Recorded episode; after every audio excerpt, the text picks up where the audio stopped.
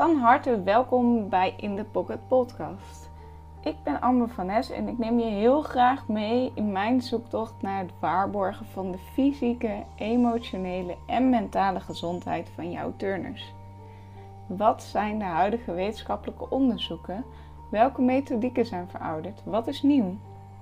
Niet de stoffige cijfers of het wetenschappelijke geneuzel, maar praktische oefeningen die je direct in je training kan gebruiken. Trainingsleer, sportpsychologie, pedagogisch leerklimaat. Jij kunt meekijken achter de schermen.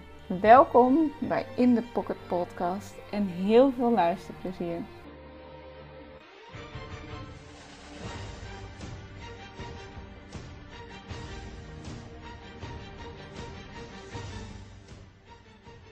Hallo Daan, welkom bij In de Pocket Podcast. Ehm, voor de luisteraars, wij kennen elkaar omdat we teamgenoten zijn in cheerleading. Um, ja, wat omschrijft jij nou? Volgens mij is dat dat jij super sportief bent. Uh, een van je veelgehoorde motto's bij ons bij cheerleading is een dag geen spierpijn is een dag geen geleefd. En dat is wel iets wat jou heel erg omschrijft, volgens mij. Um, ja, voor de luisteraars, zou jij jezelf voorstellen?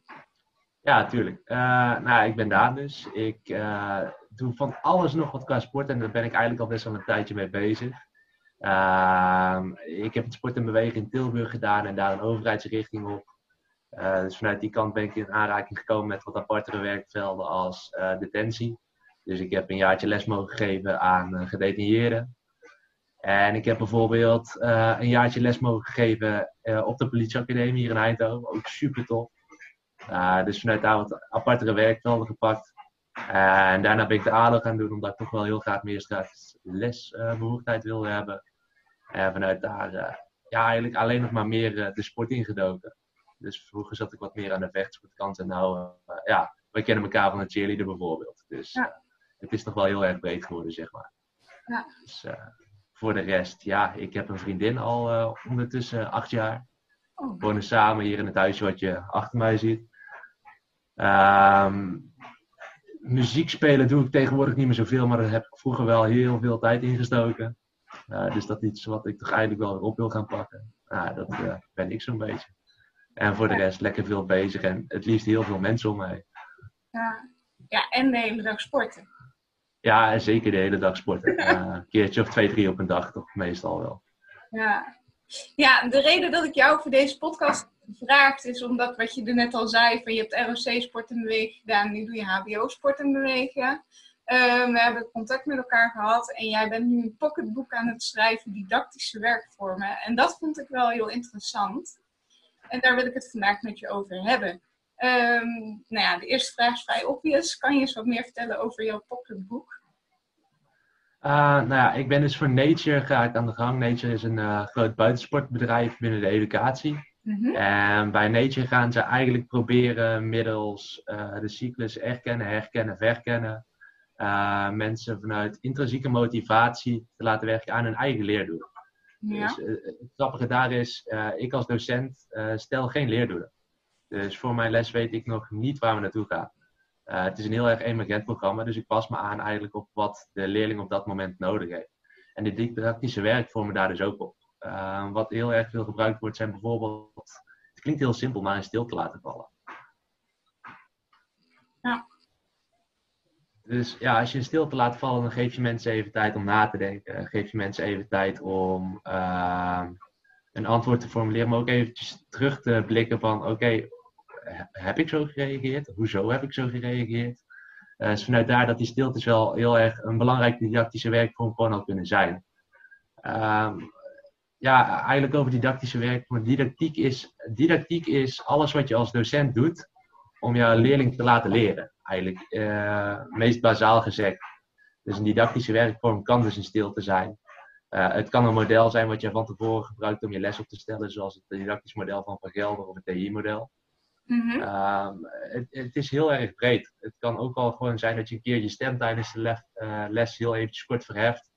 Om de rust te gunnen dat ook die stille persoon daar in dat ene groepje eventjes wel iets kan zeggen. Of een freeze, uh, echt een freeze, fluit op je vingers, iedereen stil. En dan gewoon maar eens iemand eruit pakken. Kijk eens vanuit bovenaf. Want ja, wij hebben gelukkig vaak een tribune, dus dat is wel luxe. Maar kijk nou echt gewoon eens echt even van bovenaf. Hoe ziet deze spelsituatie eruit? Waar zou je naartoe moeten? Wat kan er gebeuren? Ehm, ik probeer heel erg veel gebruik te maken van een stukje ervaringsleren. Dus zelf laten ervaren waarom wat gebeurt. En nou ja, dat eigenlijk. Uh, pistes is een heel mooi middel. Dus om te zorgen dat je binnen een groep uh, verschillende leerlingen van verschillende niveaus toch kan laten samenwerken. Dus als je een sportspelletje hebt, dan eh, zeg bijvoorbeeld trefbal. Nou, heb jij een groen lintje? Ik vind het spannend. De bal mag naar mij alleen maar met twee handen gegooid worden. Ik trek een rood lintje aan. Oké, mensen mogen nou met de bovenhandse strekworp met één hand dus hard naar mij gooien. Ik trek een zwart lintje aan. Ik mag bijvoorbeeld niet meer afweren. Of ik mag alleen nog maar met mijn verkeerde hand uh, gooien. Dus dat soort simpele trucjes eigenlijk heel erg visueel te maken. Krijgen leerlingen de kans om toch binnen hun eigen niveau uh, deel te nemen aan de situatie. Waar je dus daar dus eigenlijk heel erg mee bezig bent, is het in oog houden van bijvoorbeeld de psychologische basisbehoeften van de mens. Dus dit zou dan een stukje op competentie zitten. Dus ik voel me competent om binnen deze situatie te opereren. Dus dat is wel iets waar je heel erg op aan het aansturen bent eigenlijk de hele tijd. En dat zijn dan dingetjes die ik uh, niet net zoals nou heel erg lang, maar in het kort in dat boekje moet gaan zetten. Ja, ja klinkt echt super interessant. Ik, uh, ik krijg hier gelijk weer allemaal inspiratie voor. Dat ik denk, oh, dit kan ik ook wel gebruiken of dat. ja. Uh, ja, ja. Ja, um, we kunnen het gelijk ook even toepasbaar maken. Ik heb nog wel een aantal ervaringen binnen te, ja, binnen het lesgeven, maar ook gewoon vragen van andere trainers die dat aan, naar mij toe komen en dan zeggen: Hé, hey, Anne, hoe moet ik hiermee omgaan? Uh, een van de ja, meest gevraagd of beste voorbeeld volgens mij uh, met kinderen in de turnzaal is toch die trampoline. Wat je heel vaak ziet is dat je dan, hey, ik zit heel vaak in een opgebouwde zaal, er staat alles al op kindjes, die worden door een mama gedropt. Het eerste wat ze zien is die trampoline. En die rennen met z'n allen naar die trampoline toe. En die beginnen daar de hele training op te spelen. En hè, al, bijna altijd zijn daar wel afspraken over gemaakt. En is gewoon niet op de trampoline springen. Uh, we gaan turnen. En ja, toch gebeurt het wel eens dat er één kindje zelfs na drie keer zeggen niet op de trampoline springen, dat je uiteindelijk omdraait en dat je weer toing, toing, toing, een kindje ziet springen. Wat doe je daar nou tegen? Ja. Uh, het ligt natuurlijk een beetje aan welke leeftijd ze zijn. Uh, maar mijn eerste vraag zou eigenlijk zijn: zijn die afspraken gemaakt vooraf door de organisatie? Of ben jij daadwerkelijk met je groep in uh, overleg gegaan van: hé hey jongens, zullen we eens even rondkijken? Welke afspraken kunnen we maken? Uh, dat scheelt vaak al heel erg veel. Als je met die kids bent gaan zitten in je eerste les of in je tweede les of voor de lessen. Van kijk eens jongens, wat staat hier eigenlijk nou allemaal? Ja, oké, dan beginnen ze van alles en nog wat op te noemen. Maar als je dan even uit laat praten en even door probeert te vragen totdat ze op een punt komen van, oh, dat zou best wel eens gevaarlijk kunnen zijn. Dan komen kids, maakt eigenlijk niet uit, uh, uit hoe oud ze zijn, zelf wel op een regel van, oké, daar mag ik niet op zonder begeleiding. Uh, dat zit er bijna altijd wel in. En anders kan je vaak met een beetje uh, gestuurde vragen, zeg maar, kan je ze daar wel krijgen. En als je die afspraak dan samen gemaakt hebt, dan heb je ook echt iets om op terug te vallen. Want bijvoorbeeld met die regel van dat we nou nog maar 100 mogen rijden overdag. Nou ja, weet niet of jij de laatste tijd nog op de snelweg gezeten hebt, maar iedereen die glast je ook gewoon met 130 voorbij. Ja. een over, regel die door de overheid gesteld is, die eigenlijk niet met het volk is overlegd. En die voor de rest ja, daardoor slecht nageleefd wordt. Dus als je iets hebt om uh, een afspraak hebt die je samen gemaakt hebt, kan je er ook echt daadwerkelijk op terugvallen. En wat je dan altijd nog zou kunnen gebruiken, wil je niet te fel overkomen. Ik ben van mezelf vrij fel, maar wil je niet te fel overkomen. Uh, bijvoorbeeld een handje. Laat ze een hand op papier zetten, teken er omheen of laat ze er zelf omheen tekenen. En dan hebben ze vijf pogingen. Nou, zijn die vijf pogingen op, dan kan je er iets uh, bijvoorbeeld aan verbinden. Dus poging 1 zou kunnen zijn 5 squats. Poging 2, nou, eh, verzin zo wat opdrachtjes die eraan hangt. En als de hand vol is, dan krijg je een vuist. En die vuist is dan iets wat je dan ook weer samen met die kids bijvoorbeeld afspreekt. Maar zo heb je allerlei stokjes achter de deur om ze zelf aan te spreken op het gedrag wat zij vertonen uh, binnen hun eigen beleefwereld. Ik denk ja. dat dat een beetje het belangrijkste is om terug te vallen. Je moet iedere keer terug zien te komen voor jezelf ook. Nou, van, oké, eh, hoe reageer ik nou eigenlijk als ik zo jong ben? Eh, is dit bedoeld? Zit hier een gedachte achter? Nee. Krijg ik het eigenlijk wel weer? Nou, Krijgt hij het wel mee? Je zegt van oké, probeer dan ook samen te kijken wat voor een straf ze dan willen. Maar ik merk dat als je dat met hele jonge kinderen doet, dat ze dat nog best lastig vinden. Hoe pak je dat dan aan? Geef je ze dan gewoon een optie? Zo van, zullen we dit doen, dit, dit doen, wat klinkt goed? Of... Uh, als je met hele jonge kinderen werkt, dan kan dat inderdaad best lastig zijn. Ik, zelf probeer dan inderdaad wel iets van opties te bieden, maar wel opties die mij goed lijken. Uh, dus uh, ik stel vaak bij mijn oudere groep, ik werk vaak met uh, oudere gasten, stel ik de regel: oké, jullie mogen het van mij zelf verzinnen, maar als het niet goed is, of als ik er niet mee akkoord kan, dan verdubbel, driedubbel of vierdubbel ik het. en dan wordt het wel echt pijnlijk. en, en, en, kinderen zijn wat dat betreft, die zijn niet dom. Ik bedoel, die weten ook wel het verschil tussen vijf sit-upjes en, en vijftig, zeg maar. Dus die snappen ook wel, oké, daar word ik moe van. Of je stelt, je moet er minstens van beginnen te eigen bijvoorbeeld. Dus dat je er een fysieke uiting aan zet. Want als iemand begint te eigen, dan zit hij ongeveer op 60, 70 procent van zijn maximale hartslag. Dus is het al vermoeiend. Ja. Dus ja, dat zijn dan opties die je zou kunnen gebruiken bijvoorbeeld. Ja, ja, nou ja, ik zat even zelf te denken. Ik ben heel veel bezig met zelfregulatie. En dan laat je dus kinderen inderdaad ook een eigen training ontwerpen. En, en eh, een eigen doelen stellen. En dan leg je ook de verantwoordelijkheid bij het kind neer. Maar zelfregulatie begint pas vanaf een jaar of twaalf. En, en vooral met dat trampolinespringen, dan zie ik een leeftijdsgroep vormen van ja, acht jaar, acht jaar, iets jonger. Ja. Uh, ja, maar ik denk dat je wel een verschil kan stellen tussen uh, volledige zelfregulatie. Dus met eigen doelen, met een eigen training, of uh, kiezen tussen keuzes.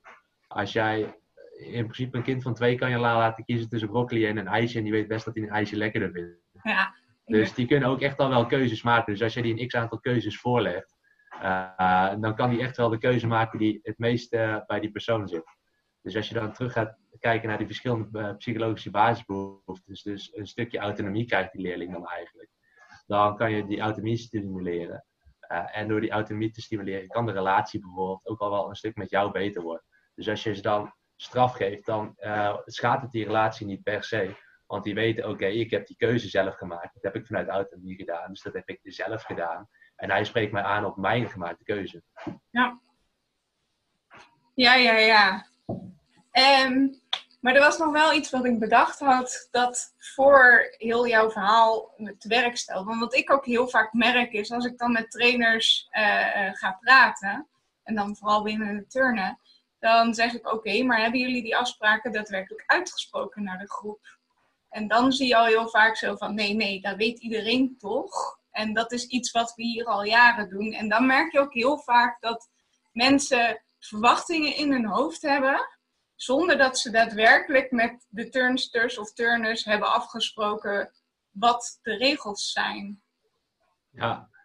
ja, dat is een hele lastige situatie inderdaad. Want een mens gaat er al snel van uit, ik ook trouwens hoor, maar een mens gaat er al snel van uit dat uh, de gedachten die jij in je hoofd hebt, dat je die projecteert op de anderen of dat de andere mensen dat zomaar kunnen zien. Maar er zijn een hele hoop ongesproken normen en waarden die voor verschillende culturen, voor verschillende mensen uh, heel erg anders ligt.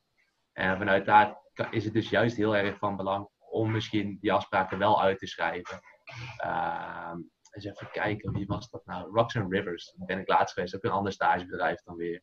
Die had uh, een geef me de vijf methode eigenlijk. Die had per vinger hadden ze een andere betekenis aan gegeven. Bijvoorbeeld de wijsvinger. Wij wijzen niet aan elkaar. Dus eigenlijk met de gedachte, wij geven elkaar nergens schuld van. We kijken eerst eens eventjes wat er binnen mij uh, ligt, wat ik anders had kunnen doen. Ja. Uh, waar de oorzaak zou kunnen liggen. Dus dat soort methodes, zeker voor jongere kinderen die heel erg visueel zijn, die kunnen heel makkelijk gehanteerd worden. En die hoeven ook echt niet lang te duren. Nee. Leuk. Uh, ja. Ehm, we hebben het even in ons vorige gesprekje gehad over doelen. Ik heb namelijk bij de NOC een of andere cursus gevolgd over training geven voor pubers. En daar zei ze in plaats van dat je de doelen stelt technisch, van hè, uh, nu moeten ze drie keer een handstand op balk doen en, en het volgende doel is dat ze dit leren of dit leren. Dat je daar ook ja, ja. de doelen aan kan stellen. Dus zeggen van vandaag gaan we werken aan zelfvertrouwen of vandaag gaan we ergens anders aan werken. En in het vorige gesprek gaf je aan van ja, oké, maar er zijn veel meer doelen. Uh, zou je eens kunnen vertellen welke doelen er allemaal zijn? Ja, ik probeer voor mij in iedere les probeer ik te werken met een cognitief doel. Dus wat wil ik dat de uh, leerlingen aan het einde van de les weten? Uh, dus ze willen, ik wil ze ja, in de hersentjes wil ik ze prikkelen. Ik wil ze motorisch wil ik ze ergens mee prikkelen. En dat kan een kwantitatief, dus ik wil dat ze vijf stand, handstanden van vijf seconden achter elkaar kunnen. Of een kwalitatief doel zijn, ik wil dat de tenen gestrekt zijn bijvoorbeeld. Of de voeten gestrekt zijn. Uh, dus zo'n doel wil ik er eigenlijk altijd wel in hebben, want je wil wel altijd blijven triggeren, zeg maar. En ik heb eigenlijk ook altijd nog een sociaal-affectief doel erin zitten. Dus bijvoorbeeld samenwerken, bijvoorbeeld uh, communicatie. Ja. En dat probeer ik dan middels die didactische werkvorm probeer ik dat te bewerkstelligen. Dus een didactische werkvorm waar je bijvoorbeeld drie leerlingen bij elkaar zit, dat schijnt de optimale ratio te zijn om gesprek uh, te bewerkstelligen. Ja. Uh, zou jij kunnen zorgen dat ze een stukje moeten communiceren uh, over hoe gaan we die oefening dadelijk uitvoeren, een samenwerkingsopdrachtje. En dan zou je er als je een kwantitatieve motorische eis hebt, zou je bijvoorbeeld in de oefening zelf die vijf handstandjes kunnen verwerken. En het cognitieve doel zou dan uiteindelijk kunnen zijn oké, als ik dit nou een volgende keer zou gaan doen, welke aandachtspunten moet ik tijdens het communiceren opletten? Dus dan heb jij en het stukje cognitief van waar moet ik nou eigenlijk op letten? Het stukje samenwerken of het stukje communiceren binnen de opdracht. En uiteindelijk het motorisch doel, dat bewerkstellig je al door de opdracht zelf.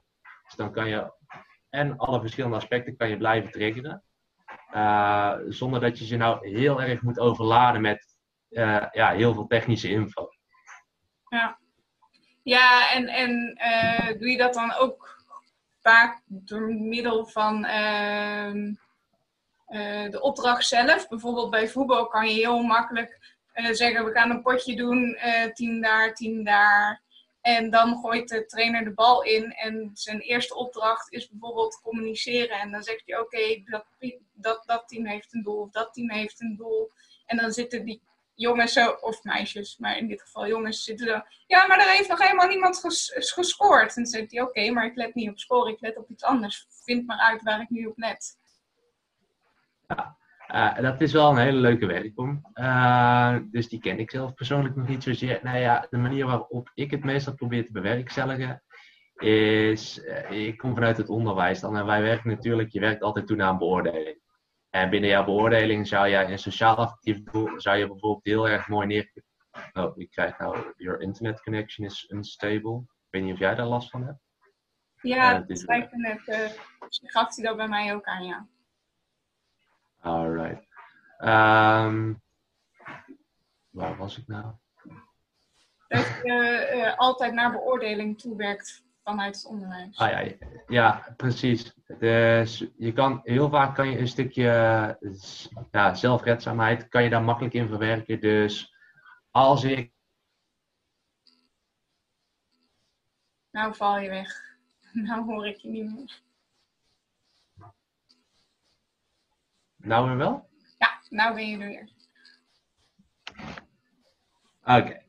Nou, je zou bijvoorbeeld naar zo'n stukje hulpverlenen toe kunnen gaan of naar een stukje feedback vragen. En daar zou je dan heel mooi en makkelijk een sociaal-affectief doel aan kunnen verbinden. Uh, cognitief ja, kan je vaak kan je plakken aan een stukje scheidsrechtertaken, uh, een stukje fair play. Want voor fair play moet je ook de regels weten. Uh, wil je scheidsrechter kunnen zijn, dan moet jij de spelregels moet je eigenlijk in, ja, op en top kennen. Ja. Dus zo werken we vaak toe naar die verschillende doelen. En het motorische aspect vind ik in die zin vind ik vaak minder belangrijk. Want als ik leerlingen in mijn klas heb zitten die uh, van nog niet eens misschien uh, een koprol durven, uiteindelijk toegaan naar een koprol uh, kunnen maken, dan ben ik daar veel trots op als iemand die al een salto springt en die uiteindelijk naar een streksalto toe gaat.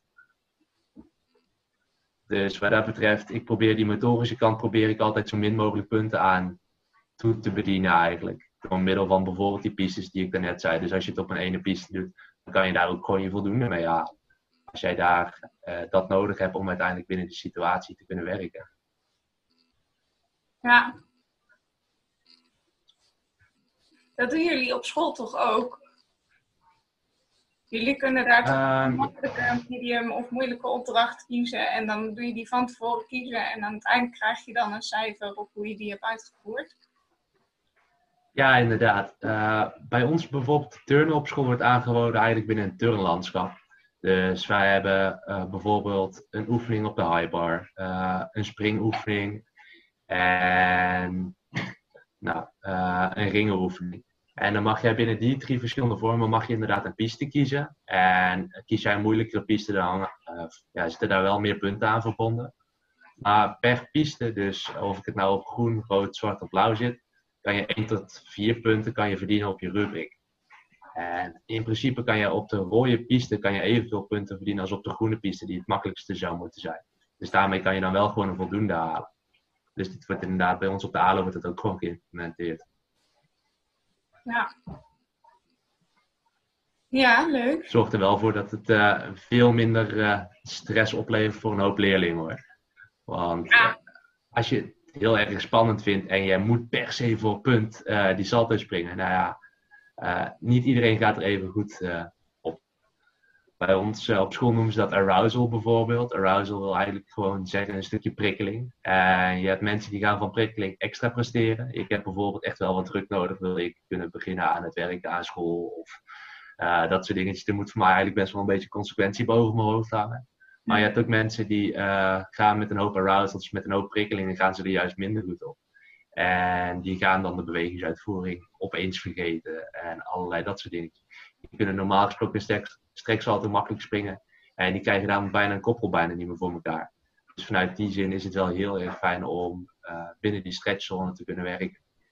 Ja. Ja, en iedereen is gewoon inderdaad in zijn, in zijn eigen progressie bezig. Dus het resultaat naar staat niet centraal, maar juist het proces naar, naar ja, de progressie die je maakt. Ja, inderdaad. Ja, um, even een hele andere vraag. Uh, ik kwam laatste stelling tegen. Uh, dat de spelers zijn blind zonder de feedback van hun trainer. Uh, en dat ging er vooral over van oké, okay, jij als trainer moet wel de leiding geven aan jouw team. En ik heb dit zelf heel erg gemerkt. Ik, heb, ik was vroeger niet zo'n heel erg goede turnster. ik deed alles op kracht en mijn netheid. Dat, ja, dat was niet zo heel erg. En uiteindelijk ben ik dus gaan student turnen. Toen dacht ik, oké, nou wil ik een keer net gaan turnen. En toen heb ik echt een, een, een, iemand naast mij gezegd en gezegd, elke keer als het niet strak is, recht is of gespannen is, dan moet je het zeggen. En elke keer was ik klaar en dacht ik, nou was het helemaal gespannen. En dan zei die ander, echt niet.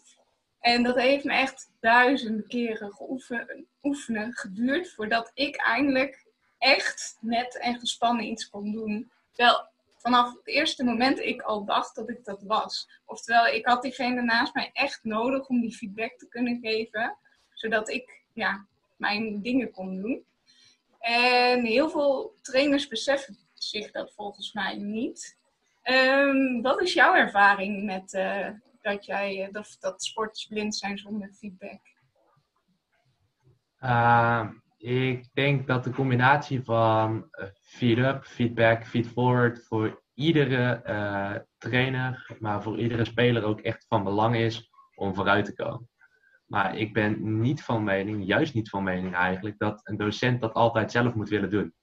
Als je als docent een klas van 30 leerlingen allemaal individueel feed-up, feedback uh, en feed-forward wil voorzien, dat is niet te doen, daar heb je de tijd niet voor. Dus ik ben juist heel erg van mening om uh, hulpmiddelen te gebruiken. Zoals een tabletje die jou zelf filmt, uh, waar je jezelf op terug kan kijken. Uh, een hele hoop didactische werkvormen te gebruiken. Dus waar je ja, eigenlijk wat jij gedaan hebt uit jezelf. Dus eventjes naar de volgende persoon laten vragen. Oké, en hoe ging het? Of zou je mij nog een tip kunnen geven? Dat soort dingetjes probeer ik heel erg veel te implementeren in mijn les. Dus als ik bijvoorbeeld een oefening salto springen heb staan dan ziet mijn situatie of mijn organisatie ziet er eigenlijk meestal als volgt uit. Dan heb ik uh, zoveel mogelijk springsituaties staan, want ik wil dat er heel veel repetitie uh, voorkomt. Want je moet iets gewoon 3000 keer gedaan hebben voordat je iets goed kan, zeg maar. En hoeveel dus ik wil dat leerlingen. Wat zei je? Hoeveel is dat ongeveer? Uh, voordat je iets echt goed kan? Voordat nee, nee, je, uh, situaties je dan in één zaal kwijt kan. Och, uh, als ik terugkeek naar mijn stage van vorig jaar, wat wel luxe was hoor, want we hadden heel veel materialen. Dan kon ik in één zaal gerust acht springsituaties uitzetten. Oké. Okay. Welke? Uh, voor een vooroversalto.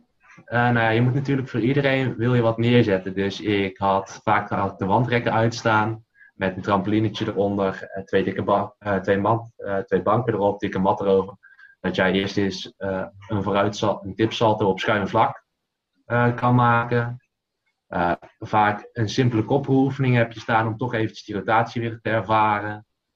Eens eventjes kijken vanuit een wandrek naar een vlakke verhoogde mat, want dan val je minder hoog. Dus even kijken met een aanloop vanuit banken. Want dan moet je echt op je sprongkracht trainen bijvoorbeeld. Eens eventjes denken. Nou, we spreken nou over vooruit. Uh, met een normale aanloop en dan een verhoogd vlak doet het heel erg goed. Eens eventjes kijken. We hadden, we hadden echt heel veel. Maar we hadden, ik had eigenlijk ook altijd de Olympische trampolines had ik uitstaan met een uh, vangharnas erin. Dus de leerlingen die dan uh, vanuit een tipsalto het nog te spannend vonden om eigenlijk met een normale aanloop op groot vlak ja. te gaan springen, die kan je dan uh, in die beveiligde situatie kan je dat laten ervaren. Zo had ik een hele hoop, veel, een hele hoop verschillende situaties uitstaan. Dus zo'n turnlandschap eigenlijk uitstaan. Waarop een leerling zelf kan kiezen vanuit zijn autonomie waar hij naartoe wil. Uh, dan blijft dat stukje psychologische basisbehoefte blijft dat omhoog. Dus je hebt eigenlijk die autonomie, dus hij kan zelf kiezen de competentie, want hij kiest ergens voor wat hij uh, op dat moment kan. Dus dan zit je in de zone van naaste uh, ontwikkeling, ben je aan het werk, want dat is ook wel belangrijk. En de relatie met jou, je hebt natuurlijk, omdat alles al uitstaat, omdat uh, leerlingen zelfstandig aan de gang zijn, omdat die tabletjes erop staan, omdat ze geïnstrueerd zijn, dat de vorige leerling, of eigenlijk de leerling daarachter, jou nog eventjes van een tip of zo voorziet. Heb je als docent, sta je er eigenlijk een beetje met twee vingers in je neus, sta je erbij. Want alles is al verteld, alles is al uitgewerkt. Daarom heb jij heel veel tijd om te werken aan je relatie met je leerling. Want uh, ja, vertrouwt een leerling mij, dan neemt hij iets van mij aan. En dan kan ik hem ook daadwerkelijk sturen. En kan ik hem sturen, dan kan ik hem proberen te pushen om naar die zone van naaste ontwikkeling te gaan. Om vanuit zijn comfortzone naar de stretchzone te gaan. Om ook daadwerkelijk iets te kunnen leren. En vanuit daar, ja, super, prachtig. Kan je heel lekker werken. Ja, ja, klinkt echt heerlijk. ja, uh, ja, het was wel een tof school om uh, stage te lopen, moet ik wel zeggen. Ja. ja, ik hoor je nou iets zeggen van hé, je moet een vertrouwensrelatie hebben met een uh, atleet. Ik heb inderdaad wel eens een groep atleten getraind. waarbij er één was waar dat niet bij was. Dit was dan weliswaar bij cheerleaders. Er moest in een basket een, een kick uh, down doen. Dus eigenlijk uh, een hele draai in de lucht terwijl je gegooid wordt. En uh, ik was naar de meisje toe gegaan. Ik zeg, hey, ik zie dat je dit en dit en dit doet. Misschien wil je dit eens proberen. En dat meisje kwam gelijk naar mij toe. Ze van, ja, um, jij bent geen flyer. Heb jij dit wel eens gedaan? Nee? Nou, hou dan je mond maar en toen had ik zoiets van, nou ja, prima, je luistert wel naar de andere coaches. Je hoeft niet iedereen te vriend te houden. Dus hè, voor mij krijg je geen feedback meer. Maar hoe zou ik dit kunnen aanpakken? Uh, hoe ga je met zo'n persoon om? Uh, nou ja, ik uh, ben als docent, zoals ik al zei, vrij fel. dus ja, ik, ik, zou in eerste instantie zou ik al wel eens eerst even in gesprek gaan waarom ik eigenlijk zo'n reactie krijg.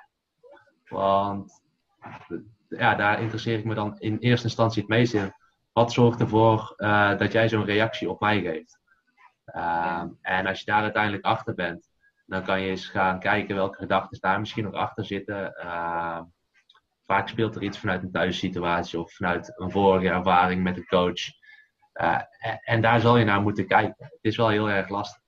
Wat natuurlijk ook altijd helpt en wat ik altijd probeer te doen, juist bij zo'n persoon waar ik dan echt een, niet mee om kan gaan, zeg maar, die probeer ik juist uh, zoveel mogelijk van positieve feedback te voorzien. De grootste teringlaaier, uh, die heeft altijd nog wel iets wat hij goed doet. Want die zegt dan bijvoorbeeld wel waar het op staat. En als je hem daar dan iedere keer eens, uh, een veer in zijn reet steekt, dan gaat dat wel zorgen dat er uiteindelijk een positieve associatie met jou opgewekt wordt. En dan is het gewoon babystapjes. Ja. Dus misschien niet gelijk van oké, ik heb dit en dat gezien. Uh, dus zou je dit eens willen proberen. Maar gewoon eens simpel samen een oefeningetje doen. En vanuit simpel dat samen dat oefeningetje doen, ga je dan eens een stapje maken waar jij een oefening aanstuurt waar zij deel van is. En als dat goed gaat, want dan bouw je die vertrouwensband natuurlijk de hele tijd verder uit. Dan ga jij een oefening docent gestuurd uh, helemaal ja, op jou wil doen. Of je zou eens kunnen kijken, kan ik gaan werken met een heel simpel oefentje wat ze al 10.000 keer gedaan heeft onder een uh, uh, voorbewindsel met een blinddoek om. Dat betekent dat ze, dat jou gewoon of de groep moet vertrouwen. En als je zo die vertrouwensband op weet bouwen, dan kan je, denk ik, uiteindelijk misschien toekomen tot op een punt waar je het wel voor elkaar krijgt om die oefening te laten doen. Het is wel heel lastig, want als mensen echt zijn hakken in het zand zetten, dan uh, kan je niet zo heel erg. Nee, nou ja, wij, ik heb gedaan wat jij uh, uiteindelijk zei. Ik ben gewoon met haar gaan praten en we hebben gekeken uh, hoe we dit op konden lossen. En ik zou nog drie trainingen of zo met haar hebben als coach zijnde. Dus ik heb daar voor de rest niet heel erg in geïnvesteerd. Maar uh, ik was gewoon benieuwd hoe je dat aan zou pakken. Ehm, ik kijk even naar de tijd en we zijn al een half uurtje verder. Um, zijn er nog onderwerpen die we niet hebben besproken waarvan jij zegt van nou, dat vind ik nog wel heel leuk om het even over te hebben? Uh, pa, pa, pa, pa, Ik zit zo eens eventjes na te denken. Ja. Uh...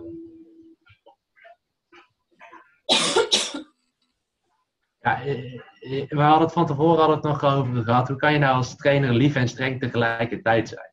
Ja. Ik, ik denk dat daar uh, dat die twee juist heel erg goed samen gaan. Dus ik, ik denk dat je een verschil moet maken tussen uh, duidelijk en gestructureerd zijn en streng. Want als je duidelijk en gestructureerd bent, dus je hebt van tevoren met je groep de doelen besproken, je hebt de afspraken samengemaakt, je opstelling is duidelijk gestructureerd. Ze weten wat ze kunnen verwachten. Dan kan je daarna, wat ik zei, dan heb je je handen vrij staan met twee vingers in je neus. Kan je ontzettend lief zijn. Kan je goed werken aan die relatie. Kan jij uh, de leuke, enthousiaste docent kan je uithangen. Maar op het punt dat er dan iets komt en iemand over uh, met zijn teentjes over die lijn heen komt, dan ben ik even fel terugfluiten. Uh, laten we spreken en vooral vanuit de groep laten komen van waarom is dat niet geaccepteerd? En als ze dan merken dat het vanuit de groep niet geaccepteerd wordt, dan gaan ze zelf vaak eventjes terug aan het nadenken: oké, waarom deed ik het dan wel? Of waarom zou ik het niet meer moeten doen? En dan heb je zelf niet die boeman-pet op, zeg maar. Dus dan kan je gewoon hartstikke lief zijn, maar er gebeurt uiteindelijk wel wat jij wil. Ja. Ja, ik merk dat ik zelf één keer echt boos ben geworden, maar meestal kan ik niet zo goed boos worden. Daar weet je alles van. Uh, maar ik heb ook één keer gehad, ik heb gewoon een afspraak. Als ik zeg dat iedereen op moet ruimen, moet iedereen opruimen. En op een gegeven moment was het meisje, ja, ja, nog één keer, want het is zaterdag wedstrijd. Ik zei, nou, oké, nog één keer, maar dan ga je echt wel opruimen. Toen was ik ergens anders naartoe gegaan en toen kwam ik terug. Toen zeg ik, waarom ben je nog niet aan het opruimen? Toen zei ze, ja, ja, maar je zei toch nog één keer? Ik zei, nou ja, uh, dit is drie keer geweest. En toen begon ze in discussie met mij. En ja, werd gewoon even heel boos. Ik zeg, nee, afspraak is afspraak. Jij gaat nu die plank oppakken en die kant op. En de meisje schrok zich helemaal dood. Die had zo, oh, wat gebeurt er nu? En die had echt zoiets van, oké, okay, oké, okay, ik ga opruimen, ik ga opruimen. En daarna ben ik nog naar toe gelopen. Ik zeg, sorry, dit was niet persoonlijk bedoeld. Ik zeg, maar ik wilde gewoon dat iedereen even opruimt. Ze zegt, nee, nee, ik snap het helemaal. En er was ook uiteindelijk niks aan de hand. Maar ik denk dat dat... De, de eerste keer is dat echt boos ben geworden en mijn emoties even naar boven kwamen. Maar voor de rest ja. ik inderdaad heel goed oplossen door gewoon van tevoren duidelijk die afspraak te hebben. En, en, en te zeggen van oké, dit gaan we doen, punt. Daar is gewoon geen discussie over mogelijk. Ja, ja, wat ik bijvoorbeeld met mijn niveau 2 groep op het mbo vaak deed is ik heb aan het begin van een lessenreeks of aan een serie, maak ik dus een x-aantal afspraken. Die laat ik ze op een groot uh, whiteboardvel of zo laat ik ze, ze uitschrijven. Die laat ik ze iedere les meenemen. Iedere uh, week een andere persoon. Je moet ze heel de week gewoon maar bij zich dragen. Ja, en die laat ik ze iedere week gewoon weer ophangen. Want dan hebben ze visueel, hebben ze heel duidelijk voor zichzelf staan, oké. En dan laat ik ze een handtekening daadwerkelijk onderzetten. Ik wil gewoon hard die afspraken duidelijk hebben. Ja. Want dan is er daarna ook, kan er geen verschillende opvattingen over zijn. Maar ik denk dat je het heel netjes opgelost hebt door juist een keer boos te zijn. Uh, en ik probeer dan altijd boos te spelen, want als je echt in je emotie gaat, dan kan je nog wel eens wat feller zijn dan dat je eigenlijk bedoelt. Uh, maar daarna juist even veld en laat ze maar even een keer schrikken. Soms goed voor leerlingen. En daarna eventjes terugpakken inderdaad van, het is niet persoonlijk en ik ben ook niet boos op je. Uh, maar ik vond het niet leuk wat jij deed. Vaak als je ze op een actie aanspreekt en niet op de persoon zelf, werkt dat ook wel heel erg goed. Ja, nou ja, dat vind ik wel het allerbelangrijkste. Want zo'n persoon moet niet zijn zelfvertrouwen kwijtraken omdat jij eh, iets van ze wil. Je moet ze inderdaad wel altijd op hun gedrag aanspreken. En niet zeggen, ja, jij bent kut. Ja. Ja, ja inderdaad. En ik denk inderdaad jou eh, aan het begin dat je zei zo'n handtekenen en dan gewoon zeggen van hè, wat gebeurt er als je het de eerste keer doet, de tweede keer, de vierde keer en het is klaar bij de vijfde keer, dan uh, ja. is ook wel heel visueel.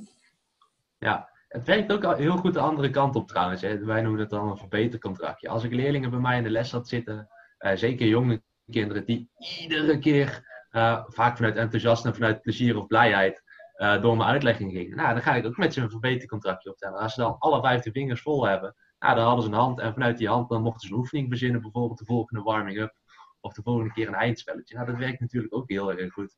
Door ze juist die uh, heel erg visueel en kort eigenlijk die boodschap mee te geven, om ze daarna iets leuks te laten doen of iets wat ze vet vinden gewoon. Of een keer dat voorbeeld te laten geven. Moet even kijken wat ze leuk vinden natuurlijk.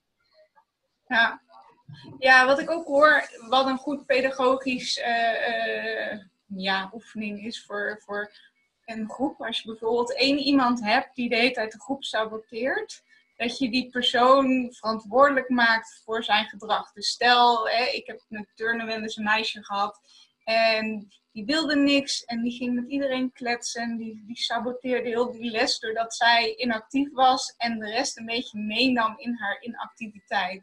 En om haar dan juist verantwoordelijk te stellen van... hé, hey, ik zie dat jij wel eens uh, bij de trainers of assistenttrainer bent. Um, ik zou graag jouw hulp willen inroepen. Ik uh, zou je voor mij uh, die groep wat beter willen, wat effectiever willen la laten trainen. En, en dan doen we elke training, aan het eind van de training, even bespreken wat jij denkt, wat die groep nog effectiever kan laten trainen.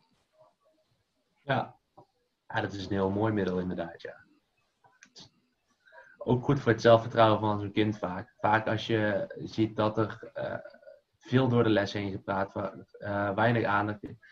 Is vaak ook een stukje onzekerheid van word ik wel gezien of mag ik er wel zijn. En juist als je dat dan stimuleert van jij mag er zijn en je mag jezelf zijn en je mag juist die functie vervullen, uh, krijg je daar hele positieve reacties op. Ja.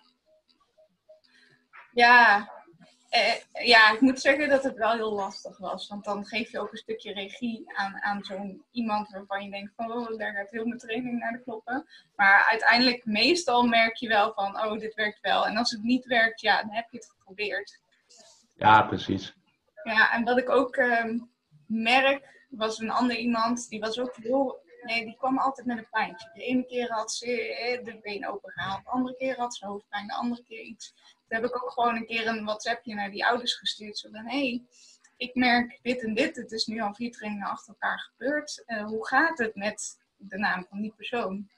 En toen kreeg ik ook een WhatsAppje terug. Oh, en wat fijn dat je hier zorgen om maakt. En, en kunnen we een gesprek inplannen? Toen dacht ik, oké, laten we dat dan maar doen. En het was zo mooi. Dat meisje, er kwam dus... Die moeder zei, wil je het zelf vertellen? Een meisje kwam naar me toe. En nou ja, zo'n verhaal van wat er thuis allemaal speelde en wat er mis was gegaan en wat ze allemaal dus in dat rugzakje had achter zich. En toen dacht ik, oh mijn god, nou snap ik waar jouw gedrag vandaan komt. En toen heb ik ook gezegd, oké, maar hoe kunnen wij als trainer jou dan helpen?